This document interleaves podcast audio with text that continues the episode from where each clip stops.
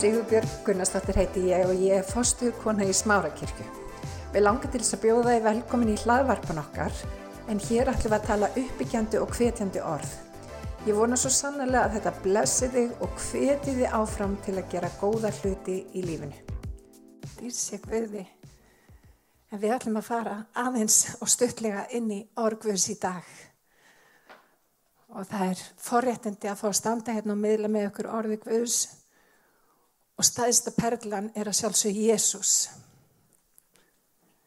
Hann er perlan, hann er dýra perlan og hon, af honum viljum við mildilega gefa í dag í Jésu nafni. Mér langar bara til að byrja, byrja því að byrja. Drottin ég þakka þið fyrir. Forréttindin að fá að koma saman í þínu nafni.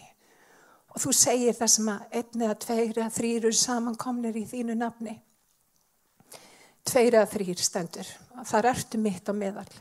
Og drottin ég þakka þið fyrir. Ég vil dótt að við getum kannski ekki verið saman í dag svona, veist, í hennu náttúrulega. Þá erum við einingu andans og við erum saman drottin á, á netinu og einhverju hérna örfáður í salnum sem er tilir að lofgjur og teimin okkar. Og drottin ég vil bara þakka þið fyrir það. Að þú hefur sagt, drottin minn, að þú ert með okkur Og dróttin ég þakka þið fyrir styrkin sem að þú gefur okkur hvern einasta dag dróttin. Við þurfum ekki að hafa áhyggjur, við þurfum ekki að óttast, við þurfum enga kvíða. Við leggjum allar slíkar byrðar í þínar hendu dróttin því að þú bert umhyggju fyrir okkur.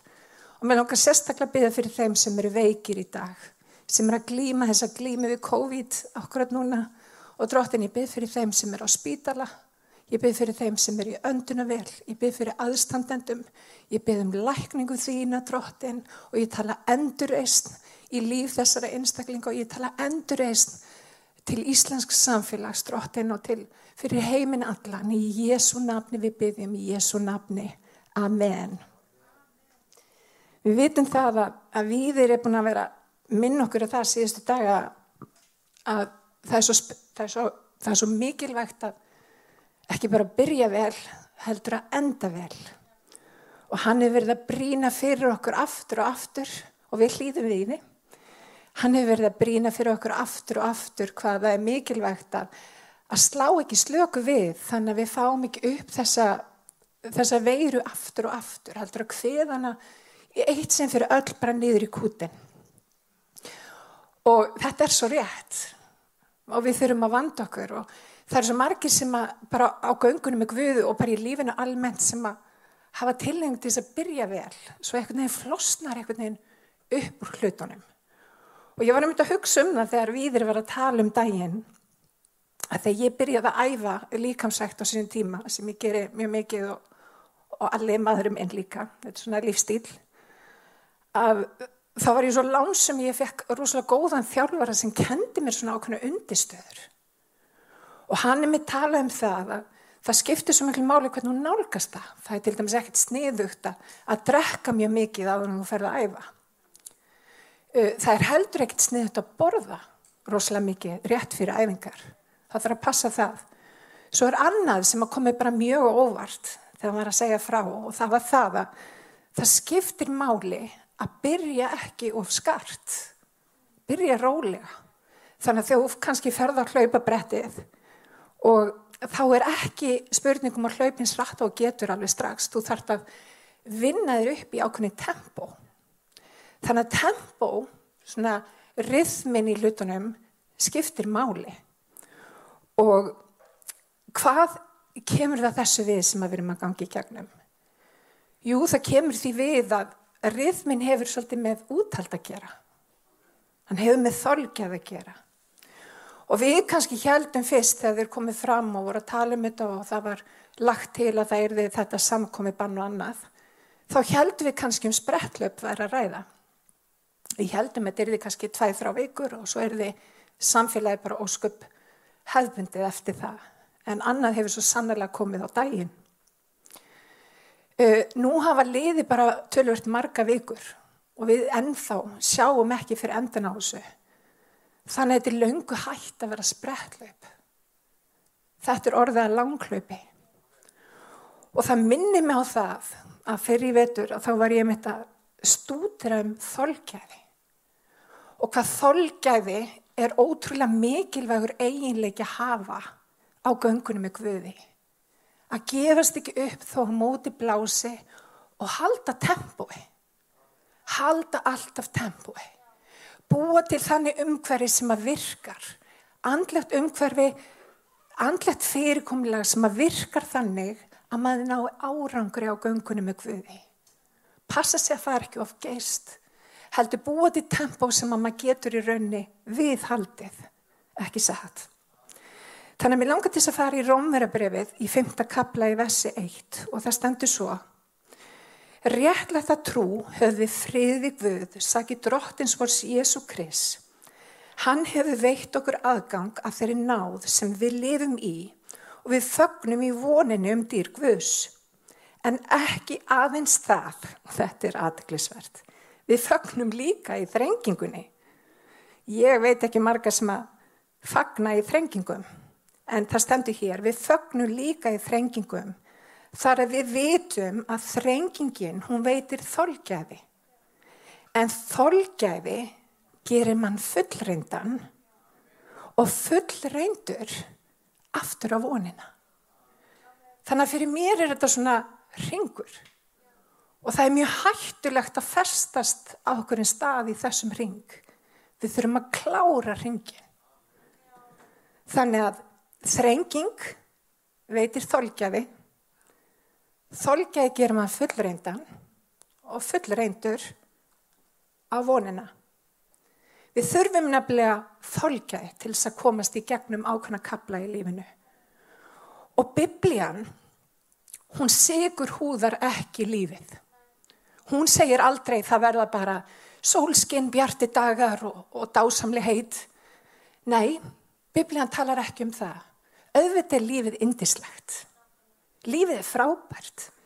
En það getur líka oft á köplum verið bara mjög strempið. Og í lífinu að þá munum við upplifa sorg.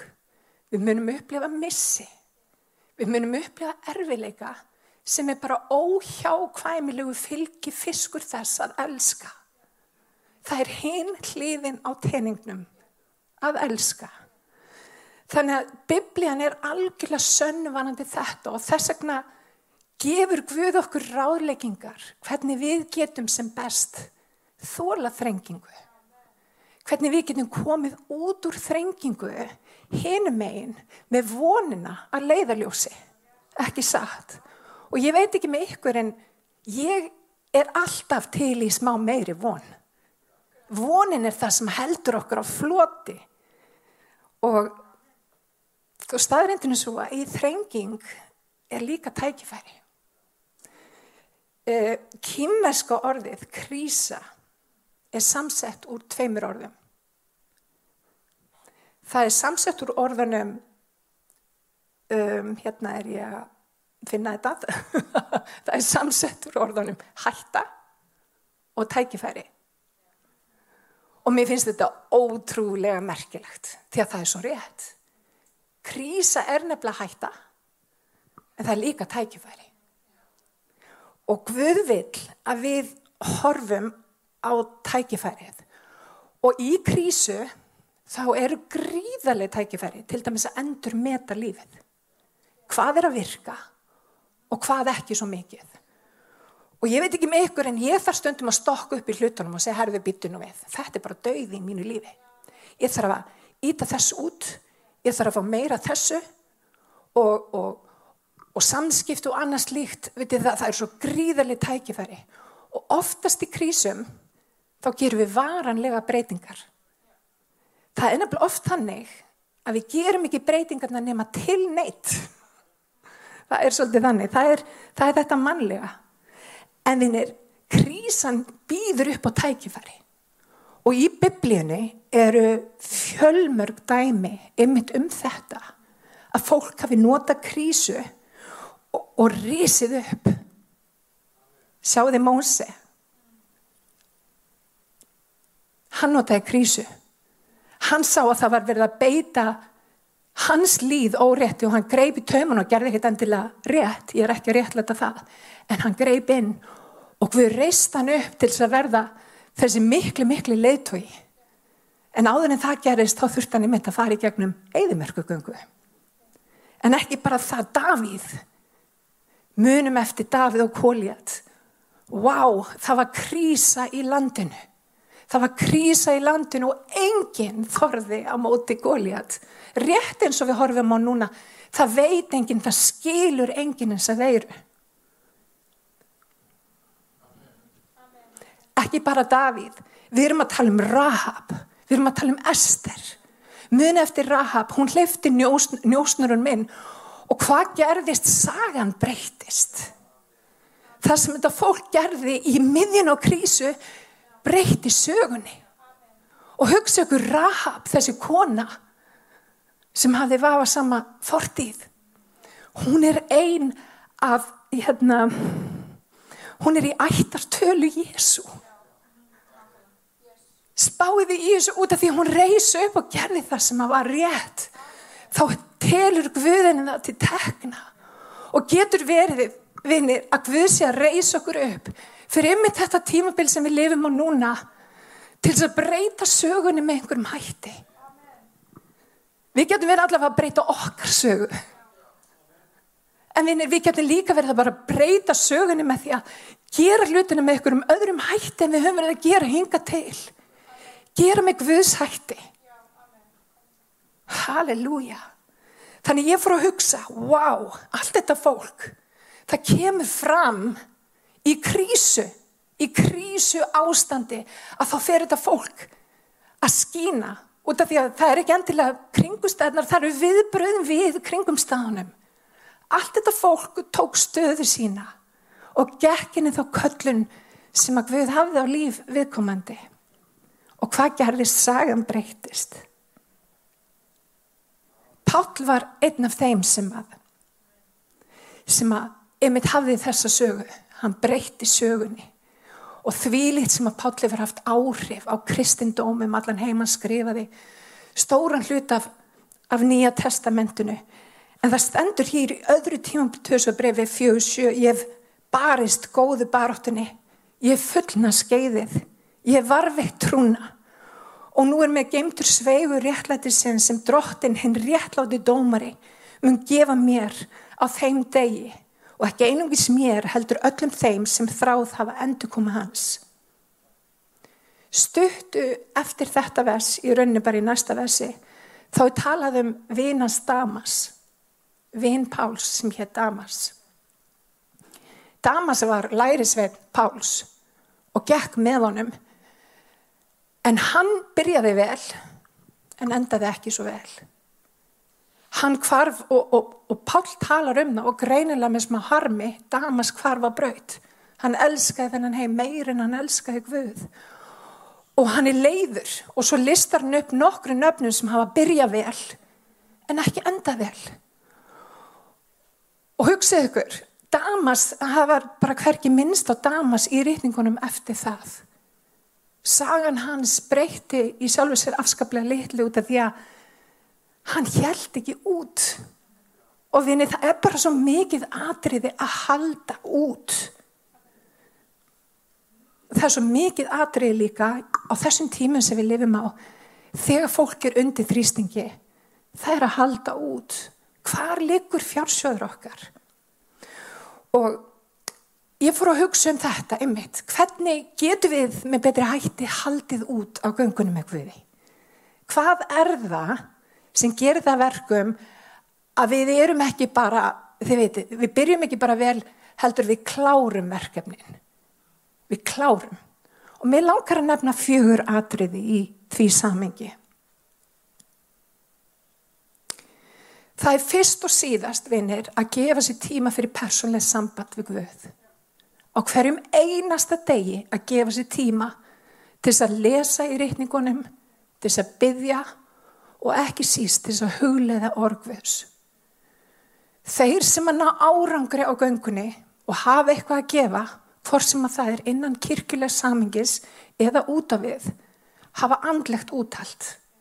Andlegt úttalt er nummer 1, 2 og 3. Þannig að ef þú vilt halda út, ef þú vilt hlaupa og, og vinna þennan sveig sem að segja bara, herði, ég hef fullna skeiðið. Ég er honið full reyndur. Ég hef von fyrir framtíðina. Þá er það að halda út. Það er að eiga persónlegt samband við Jésu. Og það kemur ekkert í staðin fyrir það. Því miður þá er það þannig að, að margir hafa kannski hægt að lesa eða, eða, eða lesi lítið eða eru ekki þessar andlegu verið sem við eigum að vera. En kirkjan á þessum tíma þarf að rýsa upp. Hún þarf að rýsa upp og segja, herðu, svona er þetta. Jésús er svarið. Leitum hans og við munum fá saðningu fyrir sál okkar. Má ég heyra með? Þannig er það. Gef okkur tíma fyrir persónlegt sambandi við annað sem er gríðarlega mikilvægt á hverjum degi þar að minna þið á hver Guð er. Það er svo oft sem að við druknum í COVID umræði eða í annars konar umræði. Og nú er þetta ekki bara COVID, nú er þetta spurningum lífs viðveri fólks, afkomi fólks og margir eru óttaslegnir. En það er svo mikið aðriðinir að þegar við erum óttaslegin að við stækkum Guð í kringustafnum. Að við horfum til Guðs en ekki á kringustafna. Því hvað gerist þegar við horfum á Guð, þegar við stækkum Guð? Allt sem þú veitir aðegli það vex. Veitu hún um aðegli? Hinn hliðin á peningnum er hver er þú í Guði? Það er annað sem við verum að minna okkur á hverjum einasta degi Hvað segir rítningin um þig? Eru þetta kringustæð sem munu ganga fram að þér, munu eigðalegja þig? Nei. Drottin segir allt megnar þú fyrir hjálpan sem þig styrkan gjörir. Hann sem hefur hafið í þér góðaverkið, hann mun og fullkomna það. Og hann hefur líka sagt vinir að allt muni samverkati góðs. Þetta eru slæma kringustæður, það er rétt. En vitið það, Guð hefur lag á að láta slæmar kringumstæður samverka okkur til góðs. Það geta nýst okkur í þessari byggingu sem að Guð er að byggja í lífum okkar. Þannig að leifum honum það. Atriðið nummið tvö, mynduði á hver Guð er. Mynduði á hver Guð er. Mynduði á hversu stór Guð er. Hversu mikill hann er. En mynduði líka á hver þú ert í Guði hvað Guð segir um lífið þitt. Og við munum hvað lægi segir, you say I am strong when I feel like I'm weak. Það er það sem að Guð segir. Vitið það, ef við myndum vita hvað Guð segir, þú veist, ef við myndum sjá hvernig Guð horfir okkur, við myndum umvilja sjá það, þá myndir líf okkar og okkar sín á lífið algjörlega breytast. Hann hefur trú á okkur. Hann hefur trú á okkur í Jésu nafni. Þriðja atriðið endur nýjaðu hugsun þína. Í Róm, ég elska þetta, elska þessi vessi í Rómarabrefinu í 12. kapla, því bríniður sískina þér vegna samfélagsins við Guð bjóði fram sjálfaður að lífandi heilagri Guði þoknarlegri fórn eru þau bara í smára kirkja að tala um fórnir? Já, því að þetta er nefnilega mögnu mynd af því sem við eigum að vera að gera. Hvað gerðist í gamla sáttmálum þegar þú voru að fórtfæra dýrum? Haldur kom inn á svo, svo vel og listilega, eða listilega, listilega vel á síðustu samkomi. Og það var það að dýrunum var fórnað. Og hvað gerist þegar eldurinn kom upp og og dýrunum var fórna þau breytum form. Það sem við gerum þegar við erum á alltari Guðs að við leifum honum að breyta formin okkar. Við hættum að vera þetta og við förum að vera þetta. Og munið hvað segir í orði Guðs, hann gefur okkur fegurð í stað ösku. Þannig að það er eitthvað við það að vera á þessu alltari og náttúrulega, veist, ekki raunverulega alltari, heldur á þessi alltari guðs þar sem við breytum um form. Þannig að þegar við gerum það og við leifum honum að vinna í líf okkar, leifum honum að breyta okkur, breyta formin okkar, leifum honum að hafa áhrif á hugsanir okkar, hvað gerist? Við fyrum allt í unna átt okkur af því að það sem, að, það sem er vilja hans er góða, fagur og fullkomna verður hlutskiptu okkar. Formið okkar hefur breyst, við hefum breyst. Því að við erum ekki haldandi í okkar eigin kringustæður eða erum í okkar eigin mætti, við erum í hans mætti. Og þegar við erum í hans mætti og þegar við treystum Guði, þá getum við gert alveg stórkostlega hluti í lef okkar. Og ég hef reynd einmitt það. Þannig að breytum um form, við erum þessi lifandi fórn og alltaf í Guðus. Í fjórðalagi, treystu að Guð sé starri en allar kringustöður. Það er stundu bara mjög snúið. Við allt í hennu, og ég er mjög gjörn á því út af því ég er svona stjórnandi í mér, ég fyrir alltaf að reyna að stjórnast í kringustöðunum út af ég tel að ég veiti betur en Guð. Og ég komist að því að ég veit ekki betur en Guð. ég komist að raunum það í gegnum erfiða reynslu er það ekki típist þannig að látum uh, mína reynslu vera ykkur viðvörun.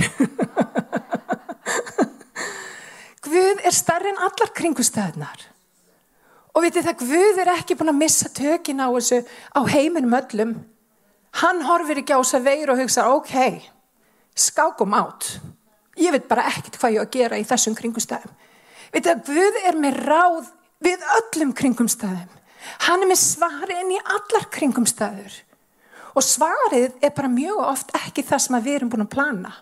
Því hans vegir eru aðri en okkar vegum og hans hugsan eru aðri okkar hugsunum sem betur fer. Og margir hug, og þú veist, ég hef oft verið spurðað, en, en ert ekki reyð stundum út í Guð? Jú, jú, ég er bara stundum svolítið reyð út í Guð, út af Guð haga sér ekki nákvæmlega eins og ég vil að hann hagi sér. En vitið það, ef hann gerði það, þá væri hann ekki Guð. Og það er eitthvað við það, vinnir, að þegar við erum að mæta kringustæðum, að við auðmyggju sjálf okkur undir hans voldugu hönd, út af því hann veit betur en við. Og þegar við erum tilbúin að auðmyggja okkur og segja við stöðdróttin, ég veit ekki hvað er hérna í gangi, en ég kýs að treysta þér. Ég kýs að gera þig að leðtói, ég kýs að setja þig á hásætið í þessum kringumstæðum. Ég ætla ekki sjálf eða sjálfur að vera reyna að finna út úr hlutunum, ég ætla, ég ætla að treysta þér. Ég ætla að trúa því að þú sé starra en þessa kringumstæður. Um leiðu og gerir það, þá ertu búin að gefa honum stjórnatöfumana. Og það er leikil, vinir. Það er leikil. Gefum honum stjórnatöfumana á líf okkar hættum að vera bakstra í þessum málum sjálf og leifum honum að stjórna. Þannig ég fara aftur yfir punktana, aftur setju upp glerugun.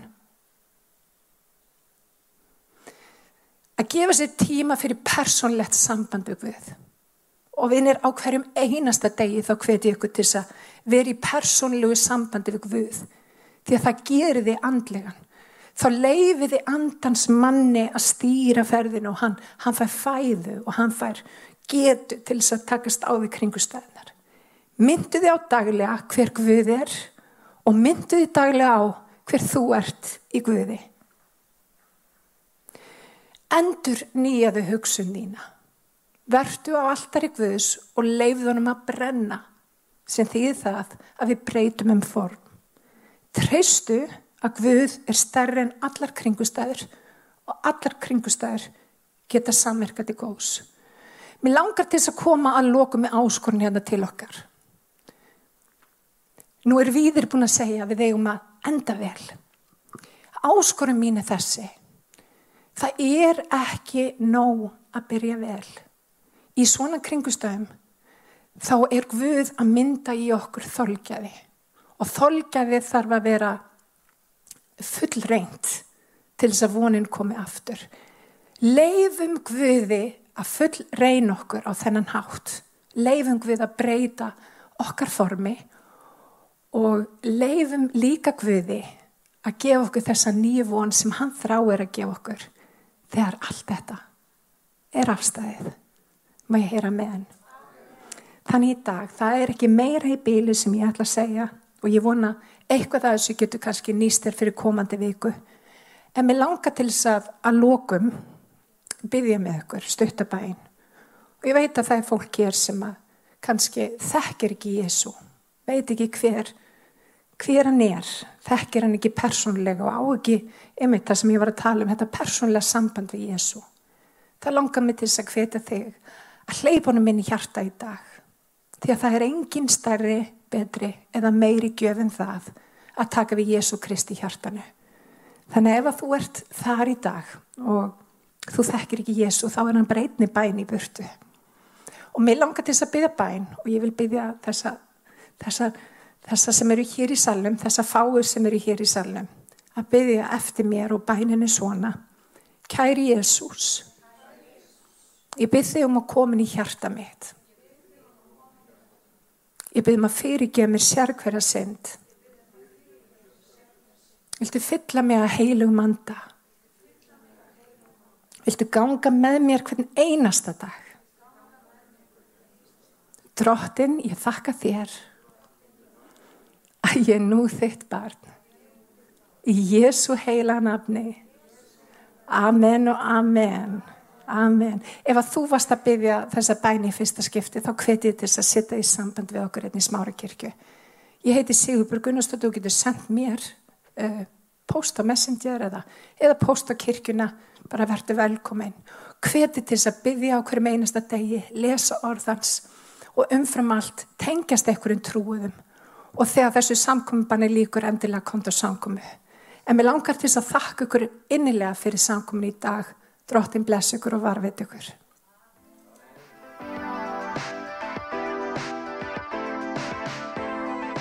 Ég hveti til þess að stilla inn á okkur með reglum hætti því að hér verður alltaf eitthvað nýtt á nálinni. Takk fyrir að hlusta.